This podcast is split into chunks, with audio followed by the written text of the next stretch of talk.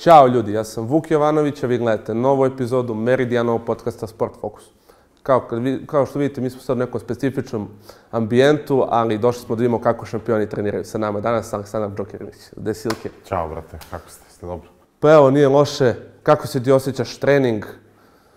Pa ovo je već rutina, eto, kažem, jutarnji trening, uh, već godinama sa mojim trenerom Igorim Krstićem i njegovim asistentom Nikolom Živanovićem, ovde u HPG-u.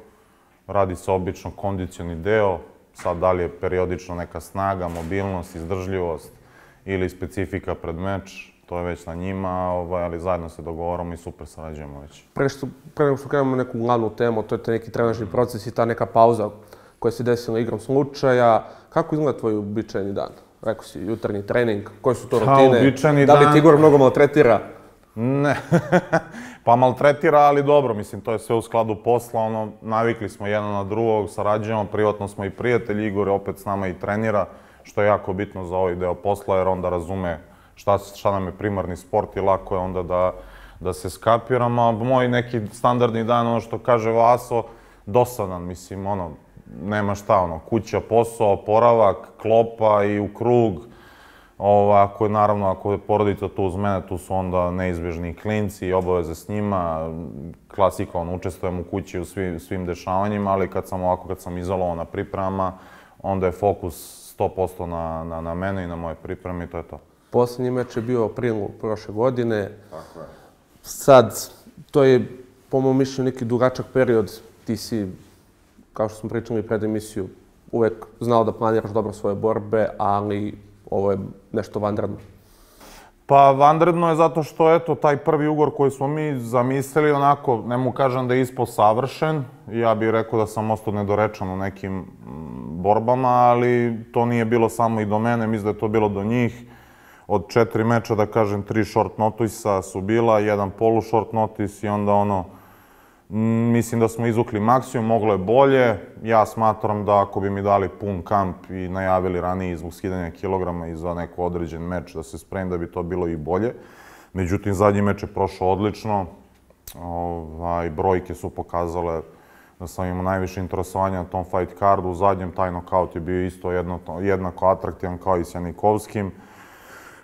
Pokupio sam tri bonusa, eto taj bonus nisu tele mi daju na kraju namerno, mogu slobodno to da kažem. I eto imali smo neki taj odnos na kraju gde sam ja zahtevao jel, samo neko poštovanje, neki normalan odnos, znači da mi se više, žargonski rečeno, ne uvaljuju više ti short notisi, da, da me tretiraju kao što tretiraju neke druge, druge borce tamo i ostalo, mi smo radili na tome, međutim oni nisu teli to da, da, da, da, da, nisu dozvolili da neko drugi sa strane diktira. Ja opet kažem, ja sam taj ugovor prvi zgrabio, uleteo, igrao sam po njihovoj, kako što se kaže, kako oni sviraju, tako sam ja igrao, prihvatao sam sve mečeve.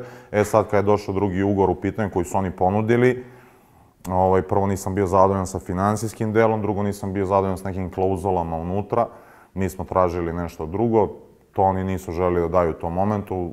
Onda je stigla ponuda od jedne druge organizacije koja je bila bolja, Oni su imali uvid u to, međutim oni nisu teli da reaguju, iako sam ja iskazao želju da ostanem u KSV, jer stvarno imam, uh, imam neverovatnu podršku iz Poljske, dosta ovaj, poljskih fanova me prati, podržava. Čak i kad sam vidio da je KSV objavio na, mislim da su to na Facebooku objavili da, da ovaj, više nisam deo KSV, nismo produžili ugovor, čak 95% poljskih komentara je bilo pozitivno za mene, a negativno za KSV, što je meni samo bilo eto neki siguran pečat da sam ja u toj priči bio ispravan i istrajan i ako normalni ljudi, publika vide da, da, da, da ono, bili su, komentari su bili 90% mahom, otpust, uh, niste produžili ugovor sa borcem koji je ovaj, jako atraktivan, dobre mečeve nam pruža, volimo da ga gledamo, a potpisujete neke bilderice, teškaše, freak fightove i ostalo.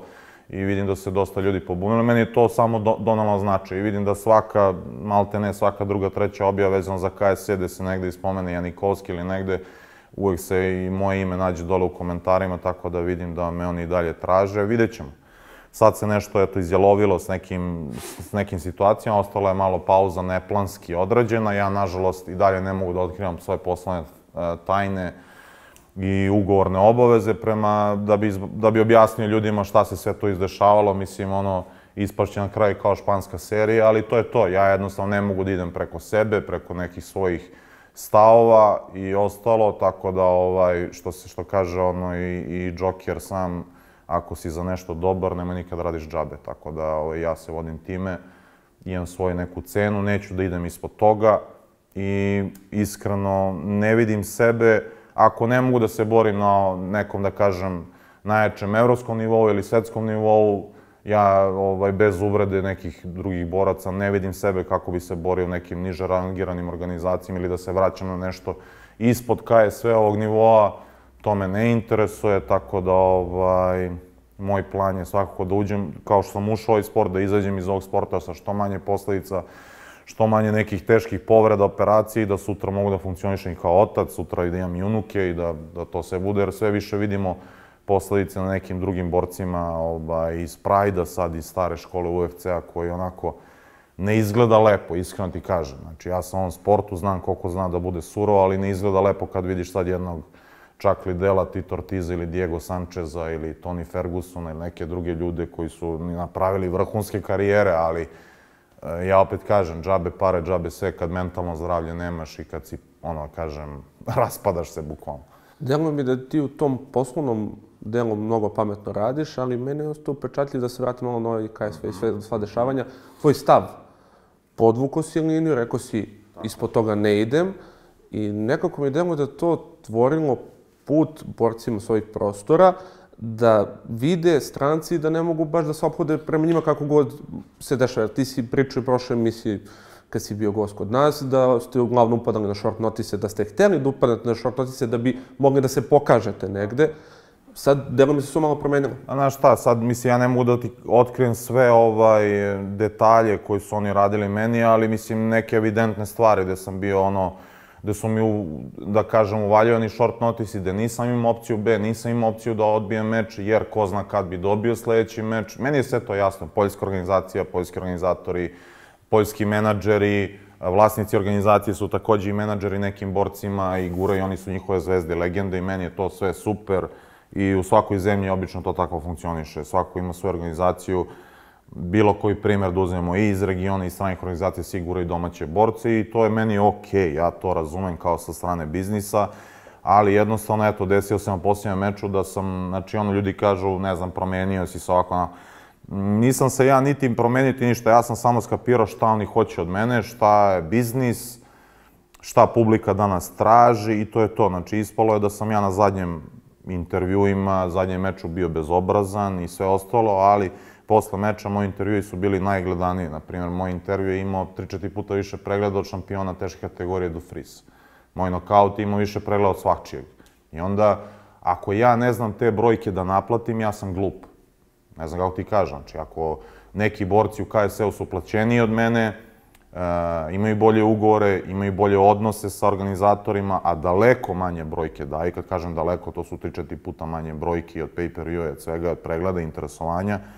Ja mislim da sam ja moj deo posla radio super. Znači, od od najave meča do hajpovanja, do svega, znači od merenja, samog dolaska na meč. Ja nikad nisam otkazao meč. Ovo, imao sam isto situacije da ljudi meni otkazuju bez ikakvog dokaza, ikakvog neke, ne znam ja, ono, izgovora. Deluje nekog... mi da si ti nekako taličan tim ljudima. Mogu ti se puta dešava u karijeri? Znači, da jednostavno ono, znači ja sam odradio, ja ono što sam rekao, ja dan danas stojim oko toga. Ja da držim nečiju organizaciju, neku organizaciju, da sam na, na mestu čelnika KS-a. Ja bih voleo ljude kao što sam ja, ne u smislu privatno, nego u smislu taj čovjek, kad se dogovoriš s njim, dogovoriš u danu, šta god hoćeš, nije problem, ja se pojavim, odradim meč najbolje što mogu. Ne može niko mi kaže da su moji mečevi dosadni ili da ne privlače pažnju. Da li neko mene podržava, ne podržava, voli, ne voli, sve to meni okej. Okay. Ovaj, ali niko od tih organizatora ne može mi kaže da je nešto bilo loše urađeno s moje strane. I ja jednostavno stojim iza toga i oni to znaju. Ja sam samo te brojke njima isto i pokazao i oni imaju uvid u to, ali ja razumem, svako želi da jel, u interesu svoje firme prođe što bolje, što jeftinije, što ovako, što onako i da na kraju krajeva njegova reč bude zadnja. Ja to isto takođe razumem, ali jednostavno ja sam rekao da u ovom novom ugoru ja ne želim više short notise, Prvo i zbog skidanja kilograma, drugo i zbog planiranja priprema. Ja sam takođe i suprug, imam i dvoje deci, imam gore i svoj privatan biznis u Švajcarskoj, znači ne mogu tek tako oni puf ja se stvorim za tri nedelje kod njih. Mislim, mogu, ali to sam već uradio u prvom ugovoru, više nema smisla. I onda sam tražio to te neke stvari koje oni opet kažem. Verovatno, ispalo je da ih ja uslovljavam, ja ih ne uslovljavam, niti sam ja Roberto Soldić, KSV organizacije, niti Conor McGregor neki, niti ništa, znači niti ja sebe nešto dižem u nebesa, samo jednostavno tražim najnormalniji odnos, javite mi za meč 8 nedelja, 10 nedelja ranije, da ja mogu da se spremim i da imamo neki normalan odnos, da ja mogu imati jedan meč u 5-6 meseci, jer smo bili svedoci toga da oni dolaze u, u uh, gde je trebao biti zadnji meč? Dubrovnik? Ne, nije Dubrovnik. Uh, nije Reka, nego Šibenik. Nije Šibenik, arena je bila u Puli. A, Pula. Pula Izvini, da. Pula, bila je Zagreb, pa se to izjalovi, pa onda mi uđemo u pripremi, tri nelje pred kraj pripreme, jave nema eventa. Da. I tako neke stvari koje jednostavno ja na to ne mogu da, ja razumem, ne mogu da utičem, korona je usporila sve, a imam i, imam i razumevanje i sve, ali jednostavno i mi moramo da se tretiramo kao ljudi, a ne kao, da kažem, jebi ga stoka, ono, koji ono, samo ti iskoristi za mene. Tako da, eto, takav je bio moj stav prema tome i Mislim, ja mogu da se borim i u nekim organizacijama uvek, ali jednostavno teo sam tu da ostanem, jer sam opet kažem nedorečen. KSM je, mi je super interesantan, publika njihova, sve to, ceo taj drive je jako dobar, izuzetno mi se sviđa, ali nažalost nismo eto produžili taj ugovor, sad vidjet ćemo šta će se izdešavati sve u budući. Ja mislim da sa takvim razmišljanjem nema greške i kad čovek drži do sebe da na kraju to sve bude kako treba. Da se osvrnemo malo na trening, kao što smo rekli imaš mnogo vremena sada, posvećen si tome, u dobroj si spremi, ali da se vratimo na neke početke, tamo neka 2010. 11. Šta je tad falilo? Šta je nedostajalo? E, šta, šta ste radili pogrešno? Sve. Sve. Znači, ja ne mogu da ti objasnim sad kad recimo imamo neke uh, super talentovane klince, to više nisu ni klinci, to su momci koji već imaju 19, 20, 21, 22, 23 godine. Ja kad se vratim u njihovo vreme, ja sebe tad nisam smatrao totalnim klincem, razumeš? Tako da, ovaj, kad gledam njih šta danas imaju, prvo i prvo, mi smo trenili tri puta nedeljno. Znači, to je lupam bio utorak trening, četvrtak trening, subota sparing. Znači, imaš dva treninga, subota sparing. Ostalim danima nikog nije bilo briga gde treniraš, šta treniraš, kako jedeš, šta radiš, mečevi i to, to je bila enigma, menadžeri isto, to je bila enigma, YouTube je tek tad krenuo, nis, nisu ti bile dostupne neke stvari. Danas je sve dostupno, danas svakom iole solidnom klubu, da ne kažem ozbiljnom klubu, imate po dva, tri trenera, imate starije borce, recimo konkretno u našem slučaju momci imaju Momci imaju više trenera, imaju nas starije borce koji svojim kontaktima, znanjem, iskustvom skidanja kilograma, kroz sparing, kroz mečeve, e, ovo nemoj da prihvataš sani, polako, da ih usmeravamo, da im vodimo karijeru, to tad mi nismo imali naravno znanje samih trenera i nas boraca onda i sada je nebo i zemlja, što je jednostavno normalno. Mi smo se, eto, kažem, pre toga je bilo, ako se sećaš ti, možda bili su MMA turniri, Gidra, Noć gladijatora i te neke stvari, ali to je još bilo, da kažem, nije bio modern MMA. Amaterski nivo neki. Tako da praktično pioniri MMA-a smo manje više tu smo uspeli i mi da zakačimo, da budemo kao ti pioniri MMA pre i MMA savezi tih amaterskih turnira. I ovaj, bilo nam je jako teško, ali eto, sad smo izgradili put i oslobodili. Mislim da je sad ovim klincima današnjim mnogo lakše dođu i do boljih organizacija, i do nekih sponzora, i do pregleda, i do samog kvaliteta treninga i da mogu da odu u puno klubova u raznim zemljama i da će uvek naći neki kvalitet. Je bila neka interesantna situacija da ste vi mislili da se nešto radi na nejadan način, od odete u inostranstvo ili vam neko dođe pa vam pokaže... Bilo je, kako nije. Šta, šta je tebi ostalo upečatljivo? Pa, znaš šta, najviš, najveća enigma je bila to tempiranje forme. Kako se tempira forma, kako ljudi sparinguju, kako se oporavljaju, kako skidaju kilograme pravilno i kako vraćaju kilograme pravilno posle merenja. Dosta ljudi je tu pravilo grešaka, jer koliko je bitno skinuti kilograme, bitno je i vratiti ih pravilno tih 30 sati pred meč. Ovaj, ja se sećam da su ljudi skidali kilograme na ludilo, nisu jeli po 2-3 dana, ne piju vode po 2-3 dana, izmrcvareni odu na meč, ono, onda prođe vaga, to se jede, šta stigne pod ruku, od snikersa do ono, da izvineš paste, pice, znači samo trpa i gladne oči ko da si izašao iz nekog kanc logora.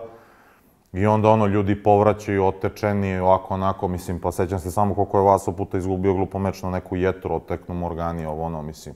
Ali opet kažem, to je neka mladost, ludost i eto, da mi nismo to radili, mislim, specifično on, u njegovom slučaju on ne bi bio danas to što jest. Tako da ovaj sve u svoje vreme i opet kažem, mogo je to mnogo bolje, nismo imali menadžere da nam vode karijeru, nismo radili pametno, ja se sećam nekih svojih grešaka ovaj, iz uh, početka karijere, gde prvi meč radim sa nekim Rusom, koji u tom momentu ima 5-6 profesionalnih mečeva, sambo, kickboksa, neki je šampion neke organizacije u Rusiji, ja prvi meč radim s njim. Mislim, danas svi borci koji rade prvi profi meč, 90% rade s nekim ajde, sad je moderno vreme, pa je teže, ali su se, da kažem, buđili ti skorovi, radilo nešto, skupljalo iskustvo, eto, na primjer, to je jedna od grešaka koju sam prihvatio. Imao sam grešku, isto sam uletao short notice na dva, tri dana pred meč, isto sam taj meč izgubio sa Brazilcem u Nemačkoj, gde ono, očigledno, skidanje kilograma u tri meseca me uticalo na to, ali to su sve neke sitnice koje te čine na kraju to što jesi ne bi imao to znanje da sam tad mislio da je to sve ispravno i on nauči se čovek kao i u svakom sportu i treneri su rasli uz nas, to mogu isto slobodno da kažem i oni su uvideli kroz mečeve koje, koje, koje ovaj tempiranje forme, kakav specifični ciklusi nam odgovaraju, šta je to najbolje da se pripremi jedan MMA borac i ostalo, jer opet kažem, e, verovatno je to kondicioniranje MMA borca i dan danas neka najveća top secret, ono, kako imati kardio za pet rundi po 25 minuta ali na to utiče i opet kažem skidanje kila i stres i sve živo. Ljudi samo vide meč, ne vide ono pre meč. To je ozbiljna matematika kad se sve sabere i oduzme. Pa meni se desilo recimo u Crnoj Gori, ja sam imao gnojnu anginu, temperaturu i izašao sam na meč. Vratio sam samo 3 kg posle merenja. To mi je bio meč sa Domagoj Pinčini. Mrtav, bolestan, na inekcijama, na antibioticima, radio sam meč. Ali ko, mislim, ja sam taj meč pobedio. Da sam izgubio, ko bi to znao? Da. Znaš, ne ja, bilo koji borac. Ja redko kog borca znam da je izašao, evo recimo sa Materlom, to sad možemo da otkrijemo, sam imao slomljena rebra i imao sam, primao sam ovaj, blokade svaki treći dan da bi mogu da treniram. Ja sam sa slomljenim rebrima radio A šta je tebi u glavi u tom momentu? Pa, da li razmišljaš o tim rebrima de facto, ali pa, razmišljam, ali uh, opet kažem, ako mi kaj sve kaže imaš za dve nedelje meč sa Materlom, ja kažem može li sledeći mesec, ne može. Ako ne prihvatiš, ko zna kada će se boriti opet, ja nemam opciju neku drugu sem da čekam, a ko zna kada će biti taj meč, a u koroni smo. Ne me kapiraš. I onda, mislim, ako je a već tako, porodicu, sve. nikad nisam odbio mečeve, neće odbiti ni njemu, mislim. I opet taj meč izgledao kako izgledao i, ok, izgubio sam, ali recimo mislim da mi daju pun kamp od 10 nedelja i da radim revanš s Materlom, mislim da, da se ne bi dobro proveo sad sam. Koji je najbolji savet koji si dobio u svojoj karijeri koji bi mogao da preneseš na nekog mlađeg? Uf, najbolji savjet u karijeri za mlade borce, ako bi morao da se uh, fokusiram na nešto određeno, to bi bilo, znači, samo istrajnost i disciplina. Nema, znači, prečica. Nijedan uh, suplement, nijedan savjet, nijedna menadžerska kuća, nijedan trener, nijedan borac u džimu, ne znam, da ti je Kamza Čimajev u, u džimu i John Jones i ne znam ko, neće ti to ništa pomoći ako ti nisi istrajan i ako ne dolaziš na svaki trening, ako se ne pojavljaš na svakom treningu. Nema prečica. To je pravi put. Vi ste pokazali da mora da se prođe određeni vremenski period. Absolutno. I sad ste napravili nešto, po mom mišljenju, neki korak više. Ne samo da ste se ostvarili u tom sportu, nego ste pokrenuli svoje biznise. Kako, kako je, da približimo malo i to, jer je jako bitno da. ti dok si borac, uglavnom misliš sebe, svoju porodicu, ali kad otvoriš Jest. nešto, moraš da misliš na neki drugi. Jeste, pa evo ja ću ti napravim presek, recimo odmah. Uh, MMA sport je bio, svi znamo, na lošem glasu. Zabranjen u nekim zemljama, evo u Francuskoj je bio do pre par godina zabranjen. U Srbiji 2013. je bio zabranjen MMA sport, to možda ljudi ne znaju. Ovaj, ili 14. ali nije ni bitno. Hoću ti kažem, uh, UFC se trudio da prikaže MMA borce kao prave sportiste i GSP je bio savršen primer toga i dok nisu uzeli neka televizijska prava, ESPN, Fox, da se prenosi UFC i ostalo. Dok se nije pojavio Conor McGregor i gde su uvideli šta ljudi zapravo žele. Znači, to je taj trash talk, bad blood i ostalo. Mislim, ja neću da kažem da lažem, volim ja da vidim bad blood, volim ja da vidim pravo rivalstvo, volim da vidim E, muka mi je nekad kad vidim da je to, osjećam se i ja prevareno, kao borac, a ne kao, ono, ako gledam neki meč kao, kao fan, nebitno meč iz UFC-a, recimo, gledaš, ne znam, Usmana i Covingtona i onda mu Covington kaže na kraj, brat, to je sve biznis, ja sam haj... Meni se od toga da izvineš sere i da izvinu gledalci, znači ono, to grlenje i lizanje posle meča, a ovamo pljuvanje, vređanje porodice i svega, meni se to ne sviđa. Znači, ako si već dotle došao, onda nemoj ni posle meča se rukujete i to je to. Međutim, sad je to, eto, toliki hajp da je sad sve u trash toku. Sad je sve otišlo na kontrastranu. Sad nemate, mali je broj boraca da kažete ko što su bili Kane, Valeskes, Jose Aldo, Fedor, Mirko, ne znam ja, koji su ono puni respekta i to je to. Sad na pres konferencijama uvek ćete videti upravo suprotno. Braća Logan i, i Jake Paul su isto dokaz toga. Tako da je biznis sada jednostavno marketing je krenuo, YouTube kanali, ljudi isto streamuju video igrice, platforme razno razne. To ćemo posebno pričati o tome. Tako da jednostavno, znaš šta, ja se isto vodim time, ovaj, ok, ja imam znanje u glavi koje mi niko nikad neće ukrasti i ja imam svoj privatan klub isto takođe u Švajcarskoj, to je nešto što me interesuje. Sutra kontakti za menadžerski deo posla, za vođenje boraca, za bilo šta, ali opet, znaš, ono, treba nešto se, što se kaže, naplati i ako može neki tamo da igra igrice, uzima novac ili da otvori YouTube kanal, što ne bi mogli mi. Opet ta neka interakcija s fanom i da oni vide, ja sam rekao da ću jedan dan otkriti sigurno kako se skidaju kilogrami, kako se vraćaju. Radio sam sa George Lockhartom, što to ne bi otkrio i pomogao nekim novim mladim borcima da imaju uvid kako se nešto radi. Evo, planiraš da se ogreš u nekim vodama trenera?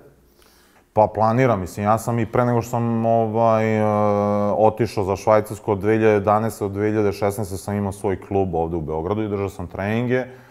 Ovaj, naravno, bio sam i s jedne strane prinuđen, jer ti kao mladi borac bez pomoći sponzora, menadžera, nekih ljudi, moraš da ulažeš u sebe. Ja sam to više puta pričao, gde bi ja mogao da se zaposlim, da neki moj poslodavac, šef, kao god, ima uh, razumevanje za mene da ja treba da treniram dva puta dnevno. Znači, to redko gde ćete naći. I onda je većina MMA boraca prinuđena da drži privatno treninge ili u sklopu nekog kluba, neke, neke, neke sekcije, ili da radi privatno obezbeđenje uveče, što sam ja i radio i opet kažem, meni se sviđa taj trenerski posao, smatram da mogu da prenesem znanje, da umem i ovaj, bavim se i dan danas time i bavit ću se, što da ne. O, želim da ostanem u sportu kad budem završio karijeru, a kad ću završiti karijeru još još ne znam, još je pa rano Dobro, za to. još si mlad u najboljim su godinama.